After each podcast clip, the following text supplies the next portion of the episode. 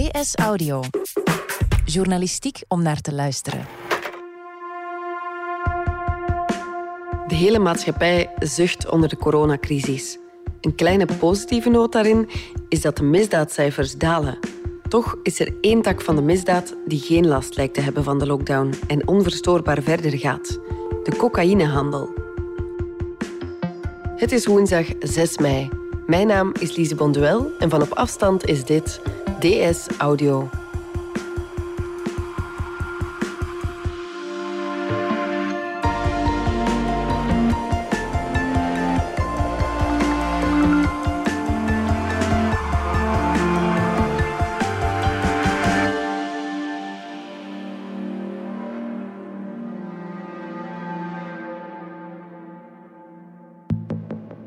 Criminelen zijn natuurlijk zeer handig. Hè. Eh, er gebeuren nu minder, minder woninginbraken, omdat iedereen thuis is. Er, er, worden minder uh, handtassen afgerukt op straat, omdat er minder volk op straat rondloopt.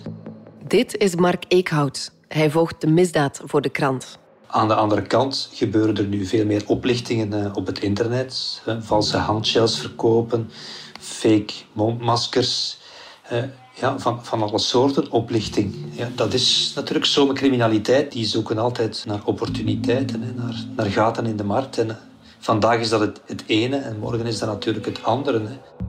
Mhm. Sommige soorten misdrijven gebeuren nu minder, zeg je. Er worden ook nieuwe vormen uitgevonden.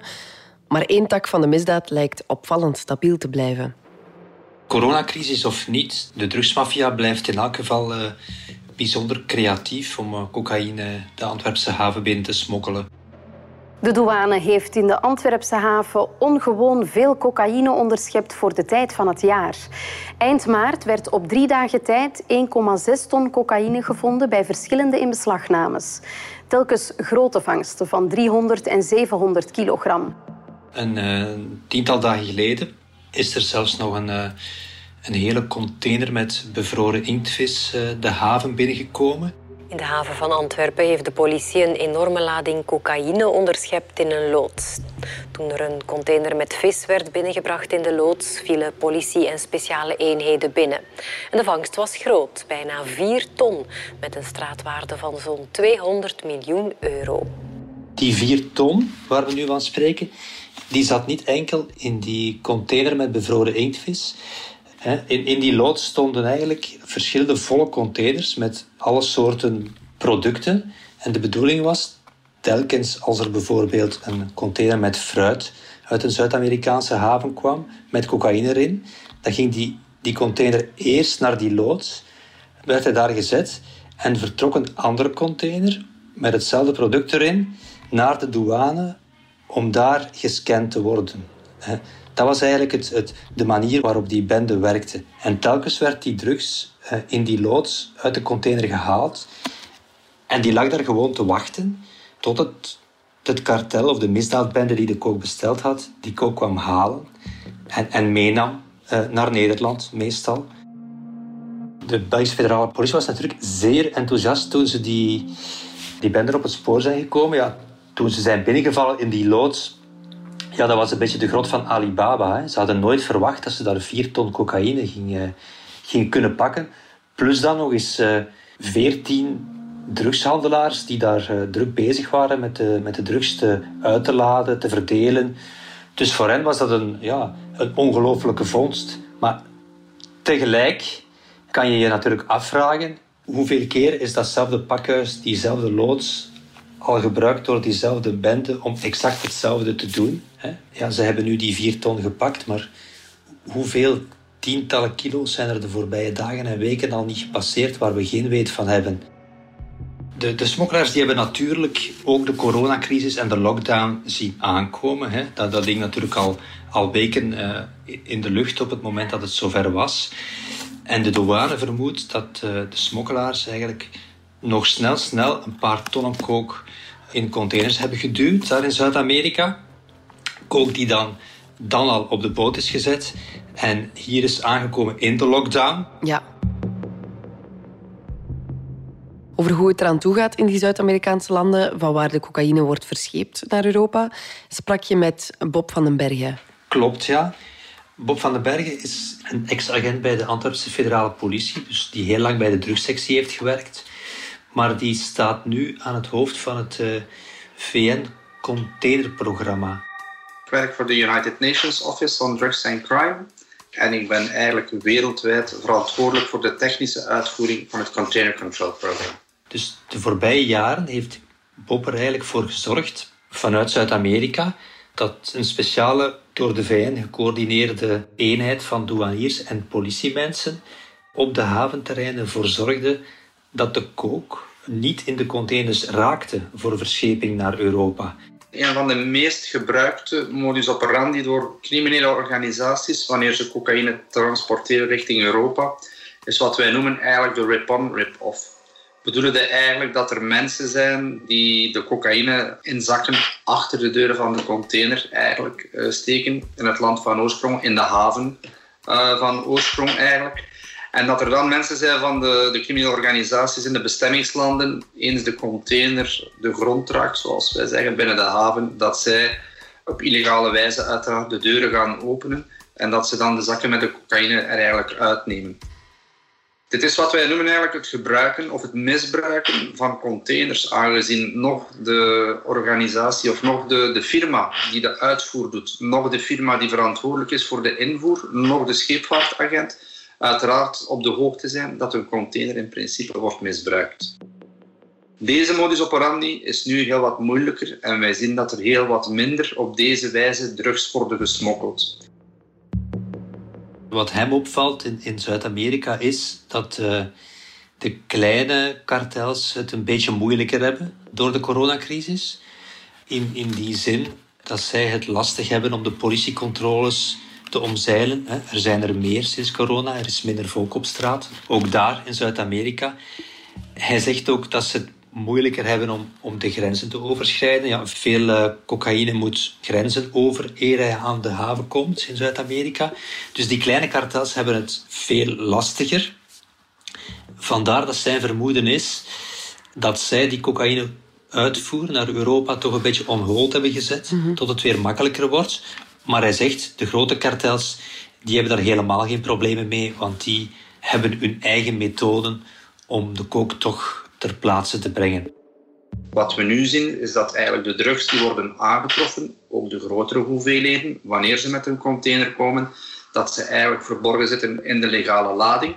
Wat erop kan wijzen, uiteraard, dat de firma die verantwoordelijk is voor de uitvoer betrokken is in de smokkel van de drugs. Er worden nu ook grotere hoeveelheden tegelijk gesmokkeld, zegt hij. Betekent dat dan dat er ook veel meer ons land echt binnenkomt? Dat is natuurlijk een moeilijke. Hè. In, in, normale tijden uh, wordt er relatief veel cocaïne in beslag genomen in de haven.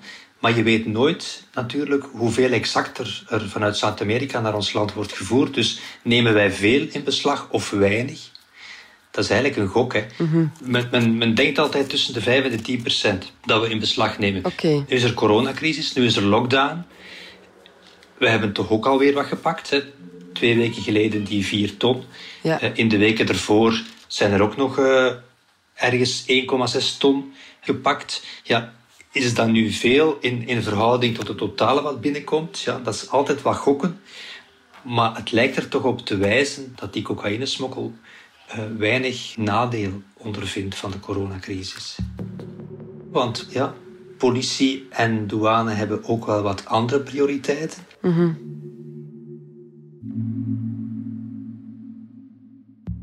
Als we nu eens kijken naar die gebruikers en de straatdealers, hoe wordt die cocaïne nu verkocht? Want het valt toch wel heel hard op als je nu op een straathoek gaat staan. Ja, klopt. Wel, wat ik hoor is dat er tegenwoordig meer dan vroeger cocaïne aan huis uh, wordt besteld.